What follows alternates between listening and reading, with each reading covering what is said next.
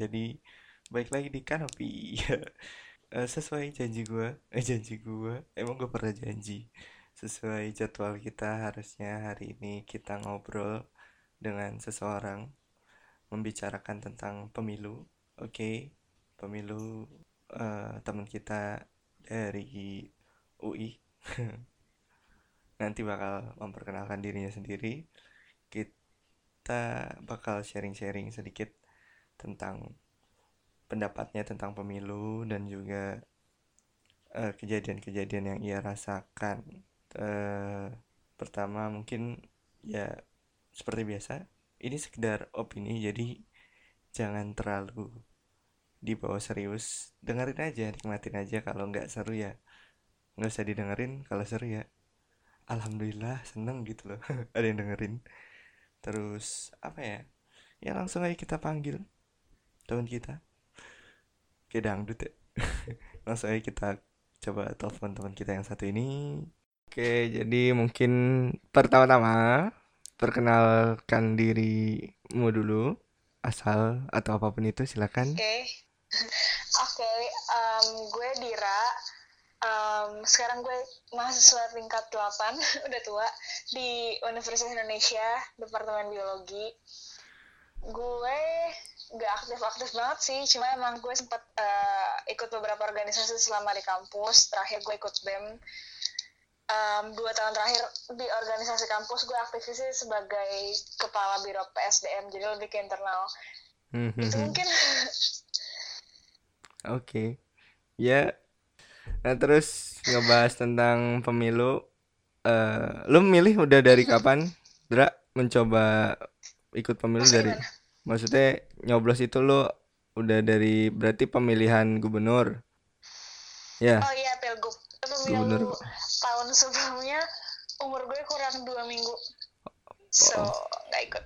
pemilu, maksudnya ini Yang pemilu pres, presiden yang lima tahun lalu masih yang belum. presiden 2014. Oke, Iya, oke, oke.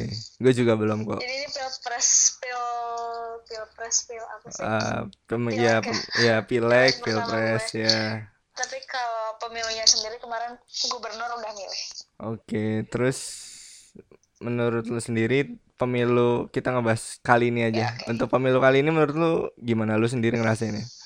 Em, gue ngerasa gimana ya euforianya itu masih kental dengan euforia beberapa pemilihan yang lalu yang eh, maksudnya isu-isunya bawa-bawa eh, let's say Sara atau apa segala macam itu masih di bawah gitu kayak orang belum move on dari isu-isu itu yang menurut gue harusnya udah ditinggalin.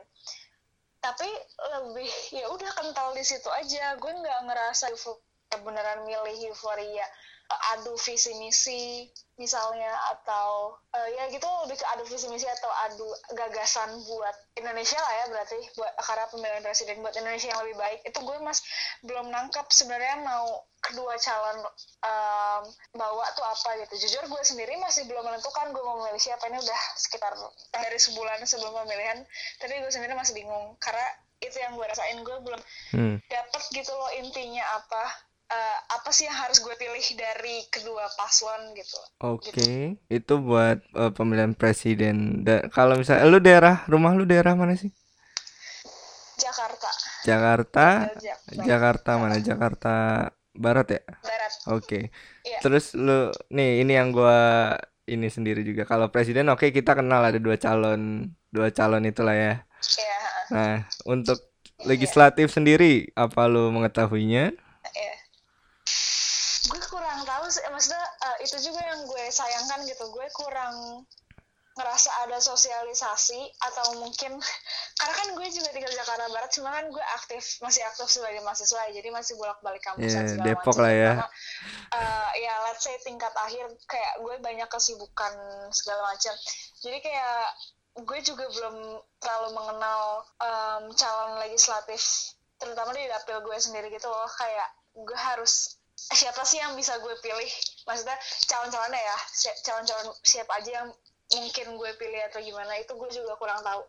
Totally nggak tahu sama sekali siapa yang mewakilkan daerahmu. Em, gue cuma pernah dengar dua Samara Alatas sama Ramani sama em, itu istrinya Hanu, Hanu Haritano Oh si ya. uh, Bu Liliana Tanusudipyo Oh, I see, I see. Dua nama terus besar itu gue ya. ngerasa uh, cuma dua partai doang dan cuma satu calon dari masing-masing partai malah gue tahu kayak bisa mungkin sekitar 5 sampai 10 kan per partai dan partai ada hampir 20 kan dan gue nggak tahu sisanya itu yang berarti mungkin hampir 100 gue cuma tahu dua dari let's say 100 orang yang mungkin mewakili gue nanti di um, kursi DPR Dan itu DPR pusat ya, belum DPRD lu, ya dong. Itu iya dua nama besar itu gue iya gue yakin di DPR pusat sih, iya nggak sih? Belum tahu iya DPRD uh, siapa. iya iya Hmm. Dan berarti dikatakan lu nggak tahu si wilayah DPRD itu siapa? DPRD belum sama Belum sekali sama jujur sekali. Ya, seperti itulah. Ya gue gua gue juga gue juga nggak tahu di Uh-huh. Jakarta. Gue juga Jakarta Barat kan, nggak tahu sama Uh-huh. sekali. Ya DPRD DPRD ada yang tahu lah ya. Uh-huh. Oke, kalau ngomongin presiden itu pemilihan presiden itu menarik, tapi gue ngebahas legislatif di sini. Menurut lu sendiri legislatif ini pemilihan legislatif ini berarti dengan lu nggak tahu berarti nggak efektif atau gimana menurut lu sendiri? Harusnya ngapain sih? Dan apa lu ada kejadian di lapangan kayak gue cerita tadi masalah tadi masalah sekedar poster dan Oh, lain-lainnya itu pendapat gue oke. dan menurut lu sendiri gimana? Atau ada hal lain? Em, kalau masalah efektif nggak efektif tuh maksudnya gimana? Lebih ke ini bener gak sih caranya kayak gini? Kalau gue kayak gitu ya.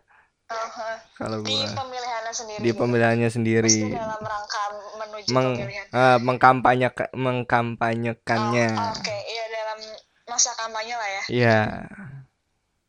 Eh, menurut gue ya kayak tadi gue bilang gitu, gue belum kenal karena gue ngerasa eh, mereka publikasi dengan media yang itu-itu aja. Padahal zaman sekarang menurut gue dengan adanya kemajuan teknologi dan kemajuan sosial media juga pastinya banyak banget yang bisa mereka manfaatin gitu ataupun dari kayak oke kalau tadi lo ngomong masalah poster yang em, kurang jelas lah kurang menampakkan visi misi gue ngerasa itu setuju sih masalah itu kayak kurang menampakkan visi misi kurang menampakkan hal-hal yang esensial yang harusnya mereka tunjukin Hmm. dan em, gue juga ini kan eh, kalau dari sisi gue yang sering banget gue notice adalah gue kan eh, di kampus juga suka aktif dan di beberapa organisasi luar kampus bukan desainer sih cuma gue juga aktif suka ngedesain beberapa poster dan segala macam jadi Hmm. gue mengetahui sedikit te- tentang ya poster atau baliho atau semacam itulah gitu. Maksudnya tentang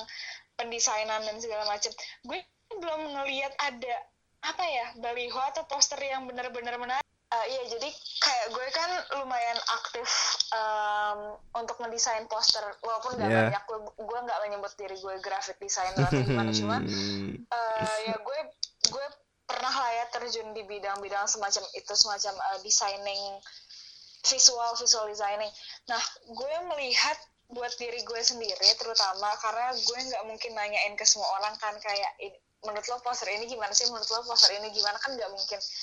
Tapi dari apa yang gue rasain sendiri gue belum ngerasa menemukan poster yang layak untuk gue baca dan gue telah um, mengenai si calon ini gitu loh yang kayak Mhm. yang kayak calon ini bener-bener pengen posternya gue baca agar gue pilih dia gitu gue paham. belum ada yang yang ketarik ke situ gitu gue yang tadi gue, gue ada sebutin dua calon itu karena em, Bu Liliana karena gue sering lihat nama dia di iklan kan kalau nggak salah kayak eh, iklannya Partai Perindo itu. Mhm. Em, jadi pas gue liat nama dia gue kayak oh oh dia maju gitu jadi caleg. Eh, oke gitu. Oh dapilnya Jakarta oke. Terus si Samara Amani kan memang dalam dua tahun terakhir Eh, muncul sekali. ya banyak muncul kan ya dan istilahnya dia seumuran sama kita gitu. Jadi kayak Hmm.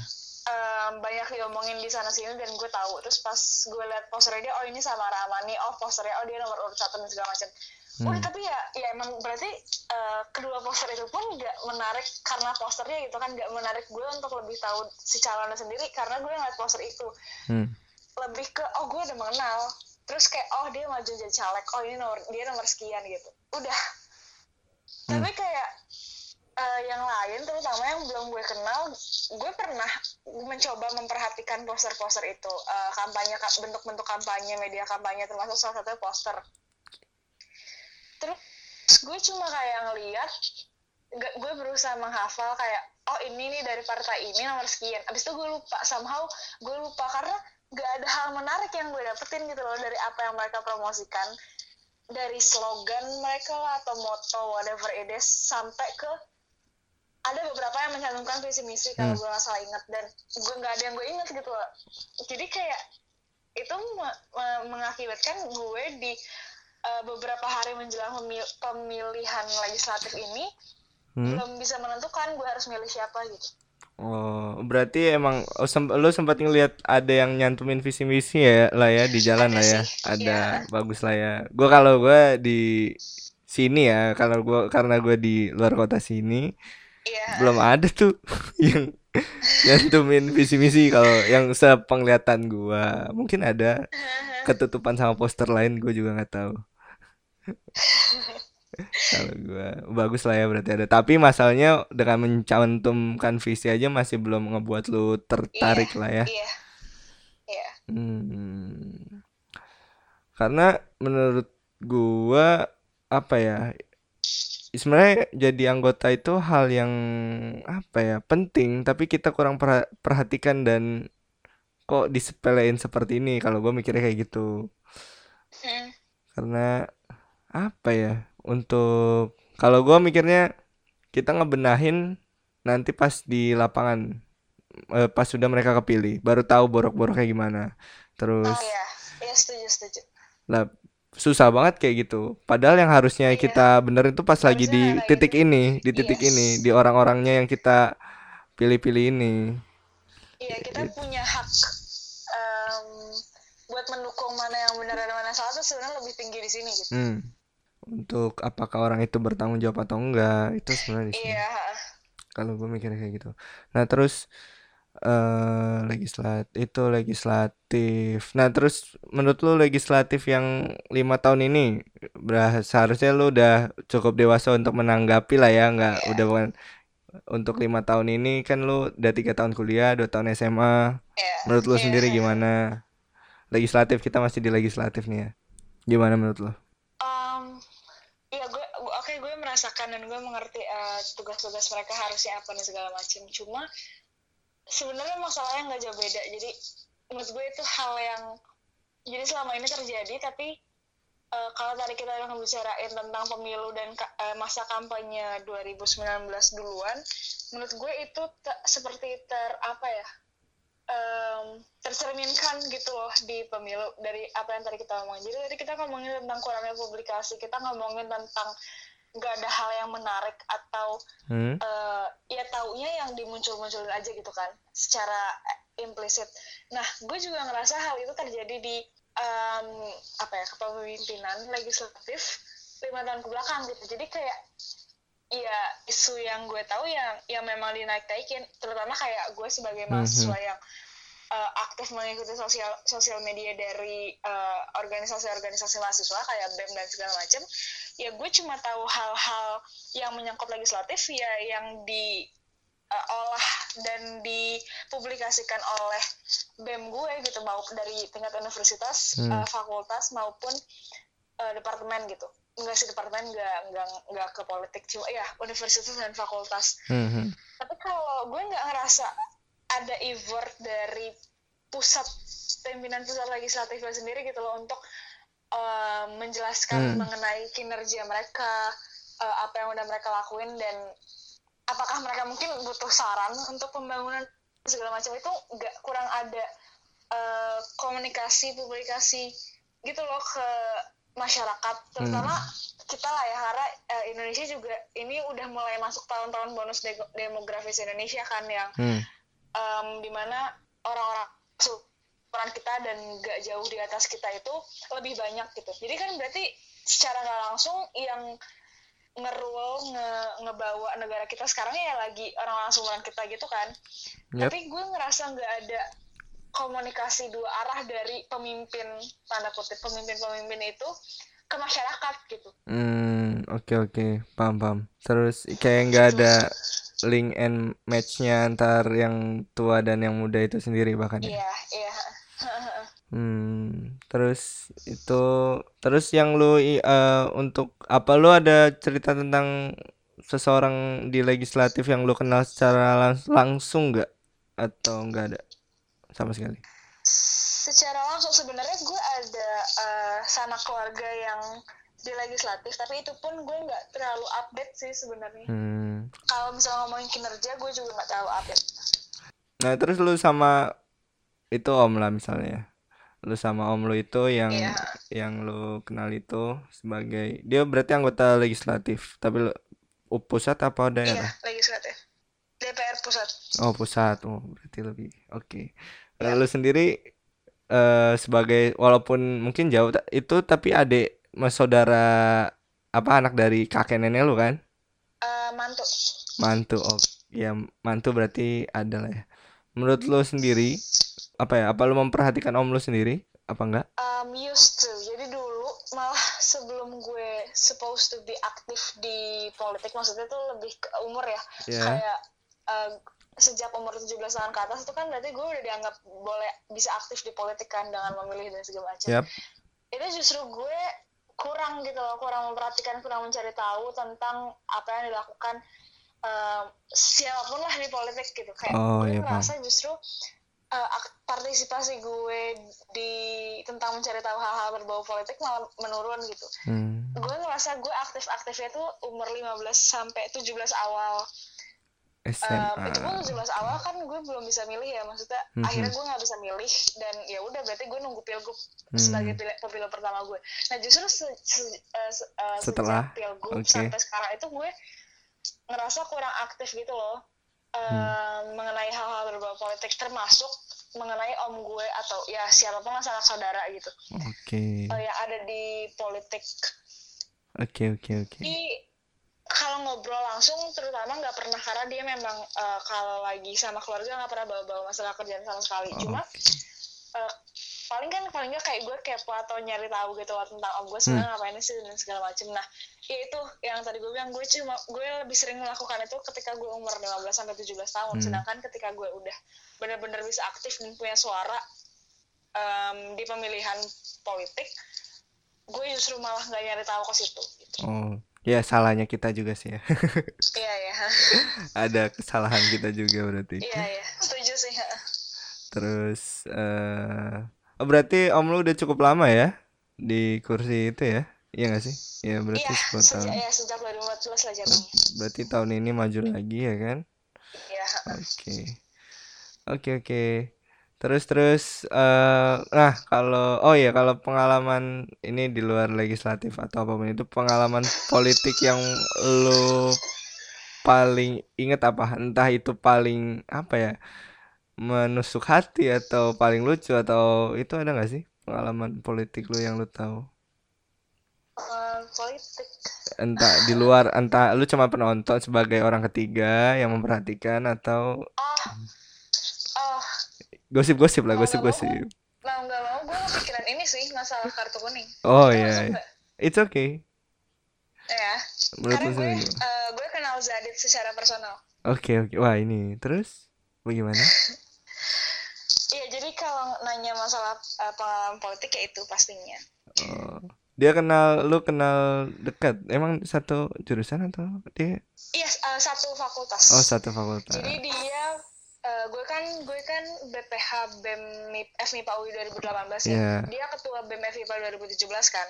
Hmm. Dan di di BEM 2018 ntar dulu, gue BEM 2000 Oh iya benar di BEM 2018 dia ketua kan. Jadi eh, ketika BEM gue nge-BEM 2018 di Hmm. fakultas itu ba- eh, agak banyak berafiliasi lah ya dengan Oh iya. BEM universitas. Hmm, hmm. Em, dan ketika 2017 ya gue banyak berafiliasi sebagai ketua BEM dan dia em, sahabatnya teman dekat gue Oke, I see. teman dekat kutip you know. Oke oke. Oh oke, I see, I see, I see, I see, I see. jadi gue, gue kenal personalnya mulai dari situ jadi sebelum dia ber em, apa namanya aktif sebagai ketua-ketua gitu gue juga udah kenal personal tapi ya makin kenal lagi ya semenjak dia jadi ketua bem gue lah maksud gue ya ya berarti dia eh, perwakilan gue kan nah itu Mhm. mulai banyak taunya di MIPA Oke oke.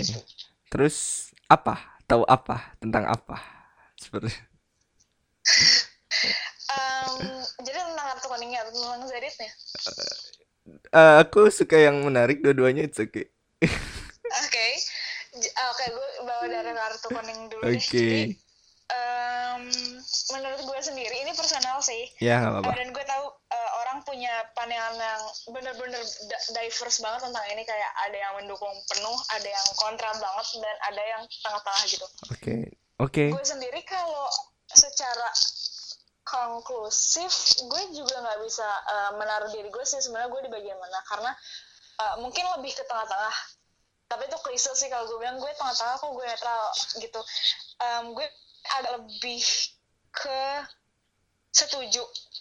Tapi Mhm. juga um, nggak sepenuhnya gitu. Kayak nggak oh iya yang dilakukan Zedit bagus banget. Nggak nggak gitu juga gitu. Jadi gue beberapa tahun gue kuliah itu yang hal yang selalu gue apa ya coba perhatikan itu tentang aksi-aksi yang dilakukan kampus gue somehow sejak maba gue seneng gitu loh ngeliatin Hmm, hmm. aksi dan gue, gue selalu berharap pengen ikut aksi tapi eh, waktu atau kesempatannya selalu nggak pas gitu entah gue ada kelas yang benar-benar gue nggak bisa tinggalin atau em, aksinya baru dimulai sore which is gue nggak mungkin pulang malam banget gitu Hmm, kayak hmm. nggak boleh sama bokap dan segala macam kayak gitulah jadi gue belum pernah ikut aksi tapi eh, karena gue selalu pengen ikut aksi jadi gue selalu mem- memperhatikan gitu tentang aksi dan substansial aksi dan eh, kalau lo mau aksi lo harus ngapain aja sih dan segala macam kayak gitu Eh, hmm. menurut gue apa yang dilakukan Zadit itu ya cuma salah satu bentuk aksi aja kayak kayak aksi ya biasa kayak misalnya lo aksi eh, apa namanya unjuk rasa di istana lah atau di depan MPR ya itu bentuk aksi yang dengan unjuk rasa Hmm, hmm. Paham, apa sih paham. bahasa bahasanya orang demo kan ya Ya. demo gitu cuma menurut gue ya menunjukkan kartu kuning juga salah satu aksi gitu. Hmm, hmm. gue tidak melihat eh gue tidak bukan tidak melihat tidak setuju dengan orang-orang yang bilang kurang sopan. Karena apa? Karena menurut gue juga kalau ngomongin eh, lu nggak bisa menggabungkan kesopanan dengan aksi gitu. Hmm, hmm. Em, menurut gue unjuk rasa itu ya tempat lo mengunjukkan rasa apa yang lo rasain terhadap pemerintah ya lo unjukkan di situ gitu. Medianya macam-macam ya kan? Ada yang em, 2017 awal kalau nggak salah yang masuk ke eh, apa BEM seluruh Indonesia kalau nggak salah BEM seluruh Indonesia berhasil masuk ke gue lupa tentang apa gue udah lama juga nggak ngikutin karena Hmm, udah hmm. nggak ngebem Em, yang dapat masuk ke MP, eh, MPR apa DPR gue lupa berhasil ngomong sama pemimpin-pemimpin itu terus di dalam tuh sempat ada diskusi atau debat yang agak panas gitu loh Hmm. dan itu ketika rekamannya videonya sampai keluar sampai ke berita itu banyak yang ngomong nggak sopan Hmm, terus em, Bang Andi ketua BEM Universitas Indonesia 2015 kalau nggak salah itu juga pernah em, kalau nggak salah diajak makan sama presiden Oh ya itu ya Terus- tahu tahu. Iya, terus dibilang nggak bisa mewakili rakyat dan segala macam gitu. Jadi menurut, menurut gue kayak aksi tuh beda-beda gitu. Mhm. Bang Andi, Bang Andi menerima ajakan makan malam dari presiden untuk mungkin menya, eh, menyampa- gue waktu itu kan belum aktif saya kita masih Hmm, maba kayak gue maba, nggak maba. terlalu tahu eh, substansi dan segala macam.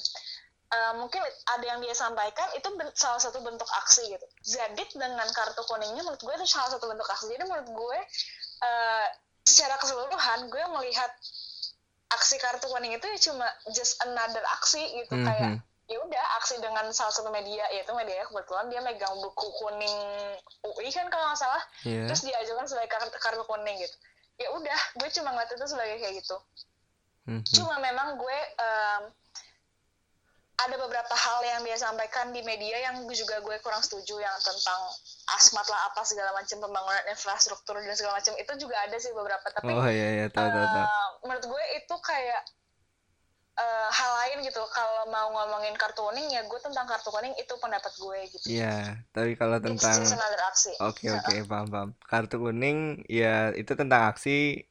It- ha- beda dengan eh gimana yang apa sih si Zadit Zadit itu katakan kayak opini-opininya Zadit Iya. kadang-kadang ada yang lu nggak Iya, setuju itu juga. iya, ada juga yang gue ada yang setuju ada yang nggak setuju gitu Jadi lu kayak nggak ngelihat Zadit yang sepenuhnya benar juga. iya Eh, paham paham paham. Oke oke. itu tentang kartu kuning terus tentang Zaditnya itu sendiri Zaditnya tentang Zaditnya apa yang bisa gue ceritain ya. Um, apa oh ya gue bingung apakah kalau gue ya eh, pengalaman gue ya orang di mungkin semua juga ya orang di ketika di ngomongin politik dengan eh, di lap apa sih dengan kehidupan sosial sehari-hari. itu beda. Uh, kalau iya. gua mikirnya kalau di gua. Uh-uh. kalau di lu itu gimana sih? Atau contohnya di Zadit itu sendiri sih. Iya oke oke jadi uh, ini sih ya mungkin kalau ngomong gue mau ngomongin masalah kenalan personalnya gue sama Zadit uh, pasti bawa ke masalah ini gitu. Dan hmm.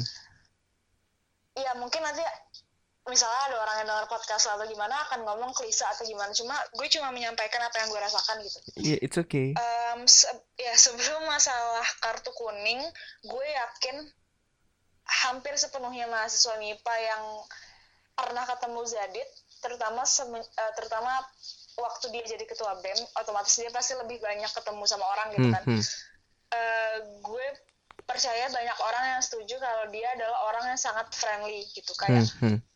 kalau ada di satu ruangan sama dia di satu tempat sama dia lo mau eh, em, senggak kenal apa pun sama dia kayak lo nggak pernah ketemu sama sekali lo baru tak lo cuma ngeliat orang bahkan lo nggak tahu itu oh ketua BEM gue yang ini tapi kalau dia ngeliat lo dia akan senyum.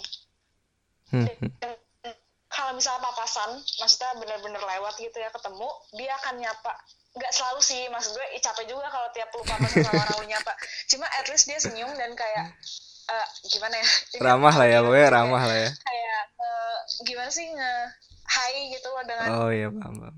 em, anggukan atau kayak ya pokoknya senyuman lah gitu. Pokoknya em, menyapa dengan minimal dengan senyuman gitu. Dia Mhm. orang yang seramah itu gitu. Hmm hmm. Kayak jadi gue sama Zadit kalau tadi ngomongin eh, kenal dari mana kenal yang personalnya kan dari teman gue itu. Cuma itu pun sebenarnya gue sama dia juga nggak sebelum sebelum benar-benar aktif di bem sering diskusi dan segala macem eh, gue nggak pernah ngomong gitu loh. Jadi kayak dia tahu kalau gue deket sama teman deketan dia dan gue tahu kalau Zadit tuh teman sahabatnya teman dekat gue gitu. Hmm hmm. But that's it. Kayak sama-sama tahu kayak dia tahu oh ini Dira. Gue tahu gue jelas tahu oh ini Zadit. Ya gue manggilnya Babeh kan. Oh ini Babeh gitu. Oh ini Bang Zadit Kak Zadit gitu. Ya se, se, se, se- sekedar itu aja. Cuma em, pertemuan pertama gue kenalan sama dia itu waktu mau pergantian dia mau ke dia lagi maju jadi ketua eh jadi pas BMIPA pernah ya jadi waktu ketemu di BEM- dia jadi ketua BMIPA 2000, 2017 em, gue ada di satu ruangan sama dia Hmm. kayak satu forum lah ya forum kaderisasi sih kebetulan eh, forum kaderisasi terus dia tuh nyapa eh, kita kenalan terus dia nyapa gue kak terus gue ngerasa kayak Baper, orang nyapa oh, gue enggak. kayak teman lama gitu loh. Oke oke. Kayak gue udah kenal dia walaupun oke gue tahu dia udah kenal gue gitu. Cuma ya kayak bukan orang kenal tapi orang beneran temenan iya, gitu. iya. beda kan ya? Iya iya orang doang sama temenan gitu. Iya iya. Itu itu yang gue rasain gitu. Pertama bukan first impression sih of course karena gue first impression gue udah udah agak lama. Cuma hmm hmm first impression pertama kali disapa beneran disapa sama dia gitu itu dia nyapa gue kayak udah kenalan lama udah temenan lama gitu. Hmm hmm dan gue yakin dia ngelakuin itu juga bukan ke gue doang dia memang kayak gitu. As a person he's a friendly guy. Hmm. Um, dan menurut gue sih sebenarnya dia sebagai ketua BEM-IPA maupun ketua BMS uh, uh, sorry UI juga kayak gitu. Cuma Hmm. ketika dia dihadapkan media ya pasti ada hal-hal yang pengen dia tegaskan kan. Jadi mungkin ada mungkin orang melihat dia cuma ya dari sisi tegasnya atau Hmm, ngomong ini ya doang ngomong ini ya doang gitu Hmm, tapi hmm. kalau secara personal dia orang yang sangat ramah sih menurut gue Hmm. Ya, ya, ya, gue agak paham lah ya. Karena emang kenyataannya, ya manusia, kalau bagi gue ya, ya se mungkin kebetulan aja yang kelihatan di saat itu jeleknya. Tapi kan manusia nggak Iya, kayak gitu. Yang nggak Manusia nggak semudah itu didefinisikan. Iya betul. Kalau gue kayak gitu. Nah, itu politik di kampus. Terus apa Iya. lagi? Hmm. Sekarang lu udah lengser ya? udah Udah lengser, udah free udah free, sudah bebas. Tinggal tugas akhir. Eh, oh, terus lebih tinggi lagi eh untuk eh Pilpres nih. Udah pembahasan Pilpres kita. Udah tiga kali Oke. debat, udah ada tiga kali debat ya. yep yep Tiga kali debat, udah udah cukup panjang, udah dari bulan apa sih mulai kampanye itu? Tapi kan suara-suaranya udah dari tahun lalu lah ya, 2000. iya kampanye Nah, udah kampanye. mulai dari tahun lalu juga Udah dari tahun lalu lah ya. Ini mendekati April. Nah, lu sendiri gimana untuk pemilihan presiden kita ini?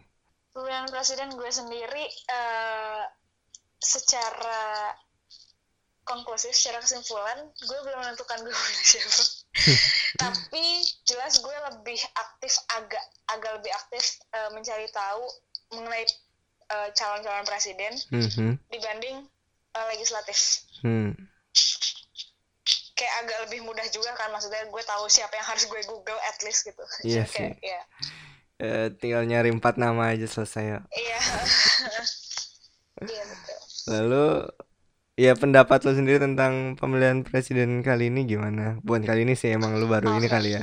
Pendapat lu iya sendiri. Em, lebih ke kali ini sih gue setuju dengan kata-kata kali ini karena Iya. gue eh, kalau saya sih tadi gue udah ngomong di awal jadi em, gue kurang melihat euforia euforia kedua pasangan calon em, Hmm. mengedepankan lebih ke visi misi dan nilai-nilai yang mereka bawa buat Indonesia sendiri gitu gue Mhm. ngerasa dan gue tahu banyak orang yang ngerasa karena gue juga ada beberapa eh, beberapa kali ngobrol dan Hmm. diskusi sama eh, beberapa orang itu kalau kali ini em, apa ya per- perlawanannya apa sih Em, ya gitulah suasananya lebih ke gue bisa nggak mempertahankan kedudukan gue atau gue bisa nggak menjat mengalahkan yang sedang menduduki jabatan presiden sekarang gitu. Ngerti nggak sih? Kayak Hmm, hmm, hmm. bukan kayak bukan kayak gue punya visi eh so- sorry gue punya pandangan gue punya nilai gue harus pastiin nilai yang gue rancang lebih baik buat Indonesia daripada eh, nilai calon sebelah Hmm, kan harusnya kayak gitu ya. Gue percaya gue percaya harusnya pemilihan umum atau pem- pemilihan apa pun. Karena gue pun ngerasain itu bahkan sampai ke pemilihan kampus gitu. Hmm, dari pemilihan kampus aja kita belajar kalau harusnya dalam pemilihan itu eh, adalah adu gagasan, adu nilai yang terbaik buat eh, regional yang kita pilih. Kalau Mhm. kalau misalnya eh, universitas ya, kalau gue UI misalnya, eh, ya, misalnya dua calon ketua BEM UI, yang mana yang punya nilai yang lebih bagus buat UI gitu. MIPA yang Mhm. mana yang punya nilai lebih bagus buat MIPA dengan bawahannya ya kayak visi misi proker dan segala macam kalau di tingkat eh, Mhm. kampus dan itu juga yang gue setuju gue yakini uh, harusnya terjadi di pemilihan umum which is satu negara gitu kan kayak nilai mana uh, pasangan calon mana sih yang punya nilai gagasan visi misi yang lebih baik buat Indonesia gitu. Cuma gue ngerasa itu nggak terjadi gitu loh terutama di pemilihan sekarang gitu. Mungkin kalau di pemilihan lalu itu masih terjadi. Karena apa? Karena nggak ada um, posisi petahana. Iya iya posisi petahana gitu. Jadi keduanya Mhm. masih em, masih ada em, merasa untuk menimbulkan gagasan yang lebih baik buat Oh, iya. Indonesia agar kepilih gitu kan. Tapi kalau yang sekarang ya gue ngerasa itu bukan pasangan paslon satu versus paslon dua, cuma petahana versus apa sih lawan-lawannya itulah Dengan gue gitu. juga lupa Gue sih. ngerasa itu. Iya, ya. Oposisi maksudnya. Gue baru, ya baru inget kan gue. kayak petahana versus oposisi. Oke. Eh, ya ya, Iya. gue paham sih. Eh, apa ya? Pun mereka apa ya? Saling menurut gua ini menurut gua saling Hmm. menjatuhkan dan gak ada gak ada membangun menurut gua. Kalau gua Iya intinya di situ sih. iya gak ada membangun Kayak untuk itu- Indonesia. itu Mereka kata-kata hanya itu- oh Iya, gimana? kata-kata itu selalu keluar di pemilihan-pemilihan umum di mana kayak eh, daripada lo saling menjatuhkan, mendingan saling adu gagasan Iya. baik-baik, baik-baik, baik- baik-baikan gitu kan, Hmm. gagasan lo yang lebih baik daripada gagasan lawan yang lebih buruk gitu ngerti Hmm, sih? hmm. itu sering keluar kan cuma gue ngerasa itu banget di pemilihan sekarang gitu. Bener-bener kayak daripada gue lebih baik dari lawan gue lebih ke lawan gue lebih buruk dari gue. Iya iya iya iya. Iya iya gitu. Susah kayaknya susah banget gitu ya. Padahal kita Iya. diajarinnya kayak gitu. Maksudnya kita diajarinnya iya. kayak gitu tapi kenapa yang tua-tua? Kayak susah banget gitu? Iya jadi pertanyaan buat kita juga sih. Eh terus terus terus terus. Ya jadi lu sendiri belum tahu mau ngapain lah ya untuk nantinya si 17 Iya. nanti. oke yang ya ya simpan saja untuk dirimu sendiri. Iya. Kadang-kadang yes will. Ya gua gua gua nggak suka yang sekarang juga terlalu apa ya maksudnya. Oke kadang-kadang susah sih ya mengkampanyekan mengkampanyekan berarti kan harus memberitahu siapa yang kita pilih. Di saat pemilihan kita juga rahasia ya Cah? oh iya heeh. iya. Rada aneh juga sih. Terus eh lu menurut lu sendiri ada nggak yang lu suka dari pemilu ini? Menurut lu sendiri? Atau ada nggak hal yang paling lu nggak suka di pemilu ini Em, kalau gak, su- gak suka ada beberapa dan agak banyak ada ada banyak cuma eh, yang paling juga gue nggak bisa menentukan sih Iya cuma sih. yang menurut gue cukup signifikan menggelitik gue itu pemilihan wakil pemilihan calon wakil presiden dari kedua belah pihak yang menurut gue keduanya sangat tergesa-gesa Hmm, hmm. Gimana tuh menurut lu? gue nggak nggak menganggap eh, pilihan mana pun buruk gitu cuma maksud gue Mhm. kayak ya terserah mereka lu milih dengan em, tujuan masing-masing gitu kan Hmm, kayak hmm. eh, Prabowo milih Sandi dengan tujuannya sendiri Jokowi milih eh, Kiai Ma'ruf Amin dengan tujuannya sendiri Hmm. cuma menurut gue keduanya memilih dengan tergesa-gesa sih masih berhubungan dengan eh, perlawanan tadi gitu loh kayak gue ngerasa keduanya milih karena pengen ngejatohin a- atau apa ya pengen nurunin eh of course nurunin elektabilitas cuma kayak secara drastis gitu loh kayak eh, Hmm, hmm.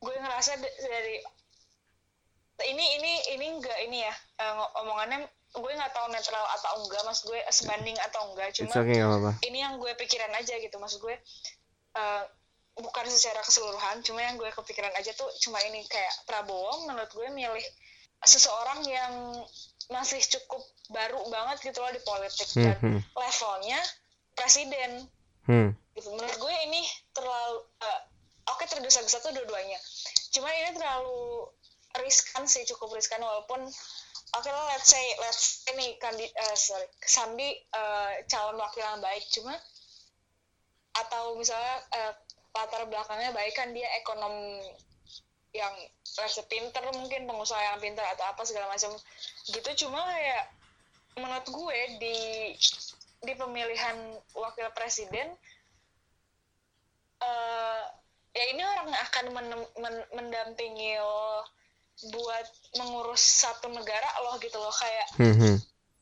em, nggak nggak nggak aneh kan kalau rakyat minta orang yang lebih berpengalaman gitu Hmm, paham. gitu kalau sisi eh, Prabowo Sandi kalau sisi Jokowi Maruf somehow gue setuju jadi kan kayak em, Jokowi kan dan eh, PDIP mungkin ya atau ya itu Hmm, hmm. itu a- agak identik dengan katanya mereka terlalu memihak Oke. ke Islam dan maksudnya gitu ngerti gak sih? Iya, Ya paham, kan? paham, paham.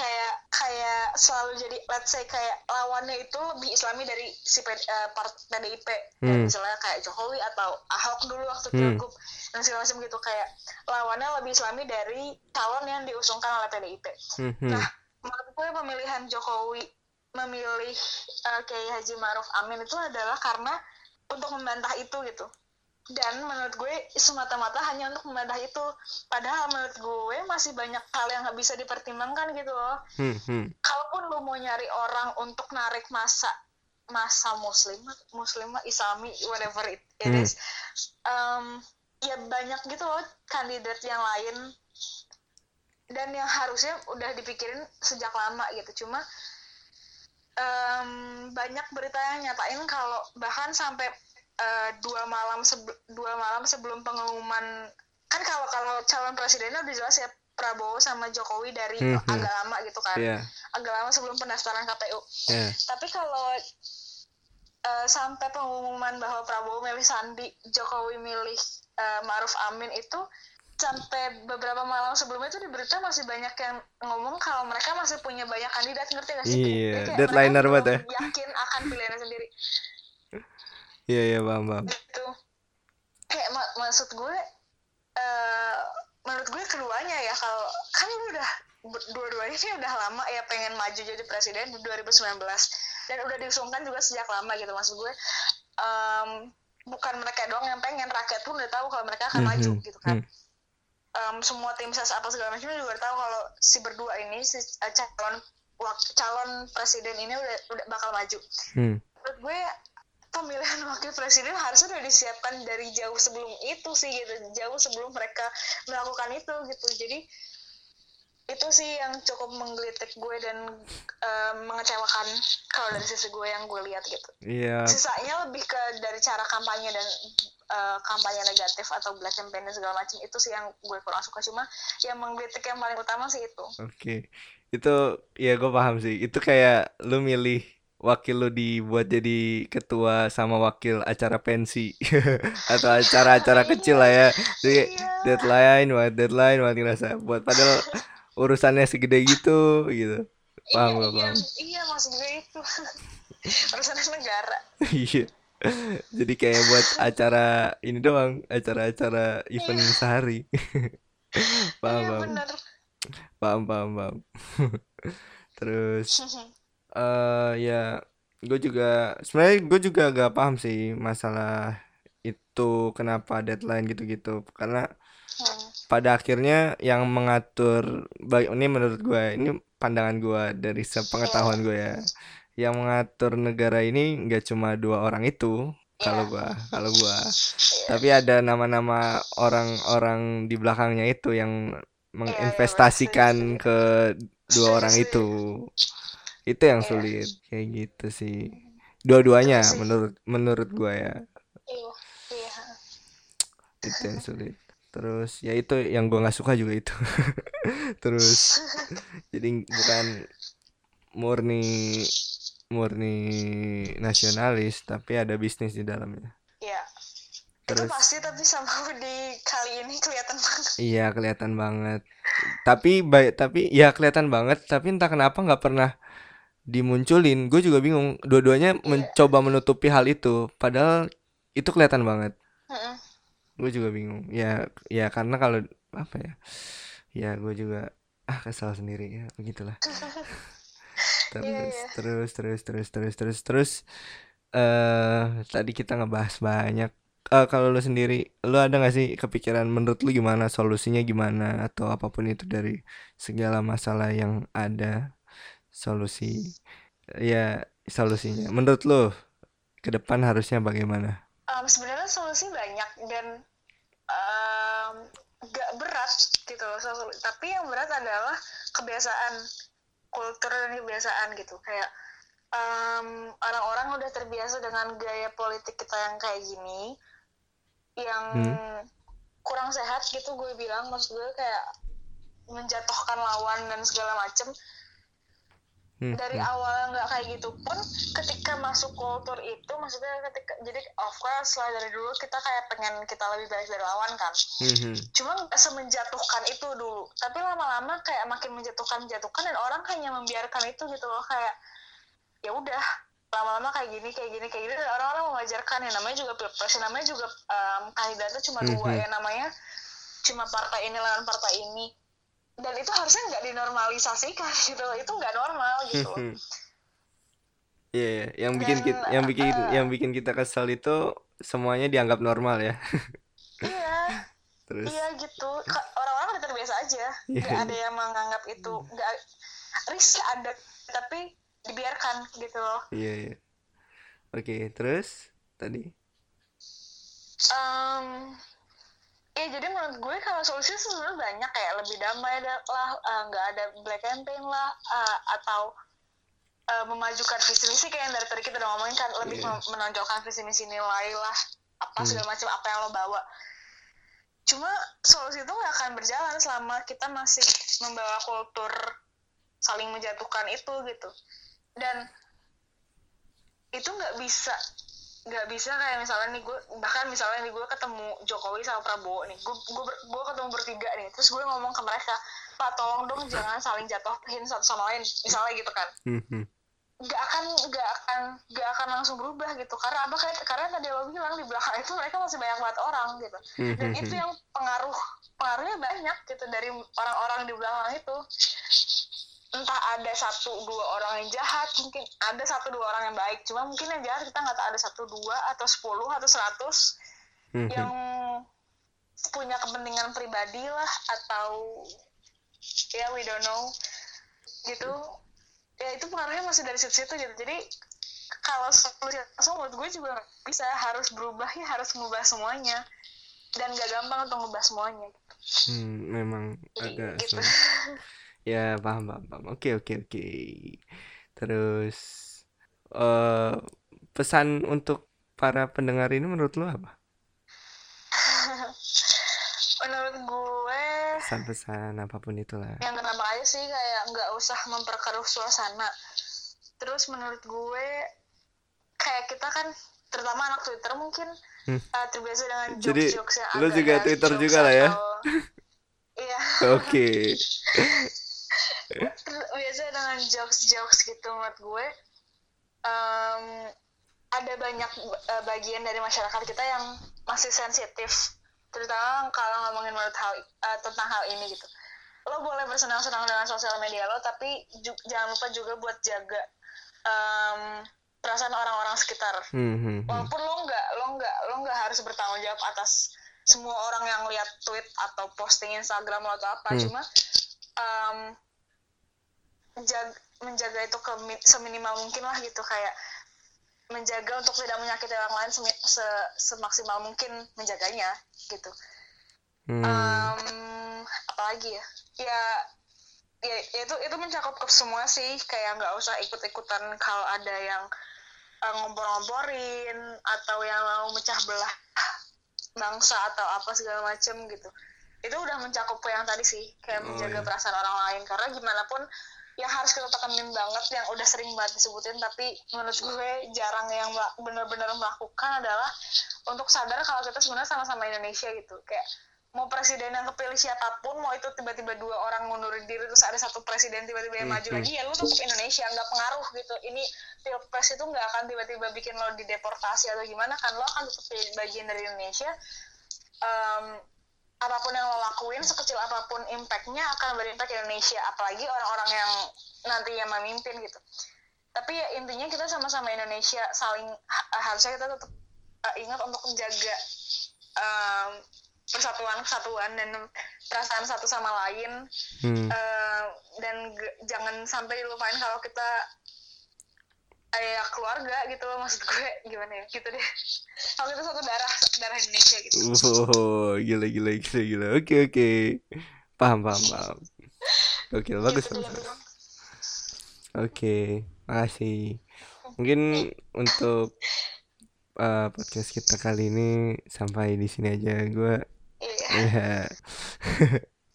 Oke. gue juga berterima kasih sih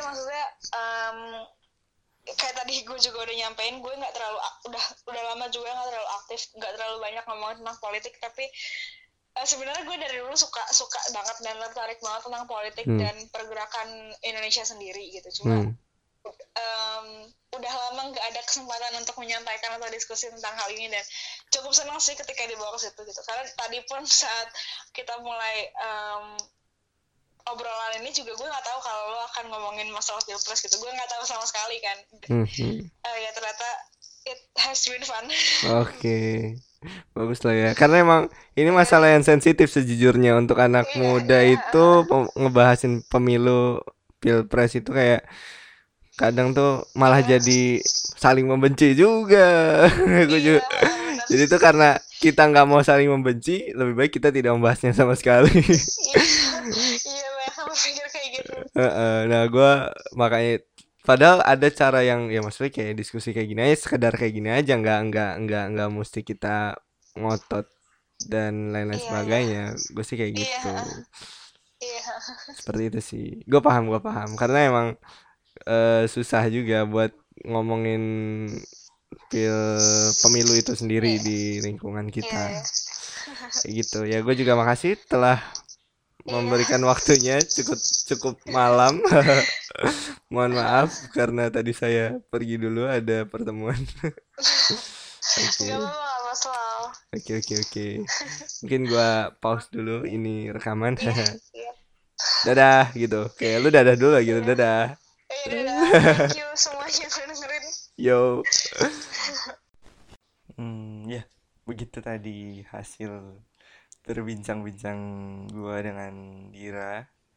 Nah ya banyak banget yang bisa diambil mungkin kalau lu dengerin sampai full selama 40 menitan eh, 50 semua ya ya jarang-jarang sih ngobrol diskusi tentang macam kayak gini. Nah gue berharap sih ada teman-teman lain gue coba mengcalling teman-teman lain untuk berdiskusi permasalahan pemilu ini. Dan kalau ada yang berminat buat sharing-sharing tentang hal-hal kejadian aneh tentang pemilu atau apa pun itu pemilihan politik apa pun itu yang lucu-lucu atau yang aneh-aneh ya bisa mungkin sharing di email kita. Gue lupa lagi email gue kanopi belakang at gmail.com ya nanti ada di descriptionnya lah. Pokoknya begitu. Oke oke oke. Hehehe oke sekian untuk malam ini. Dadah. Hehehe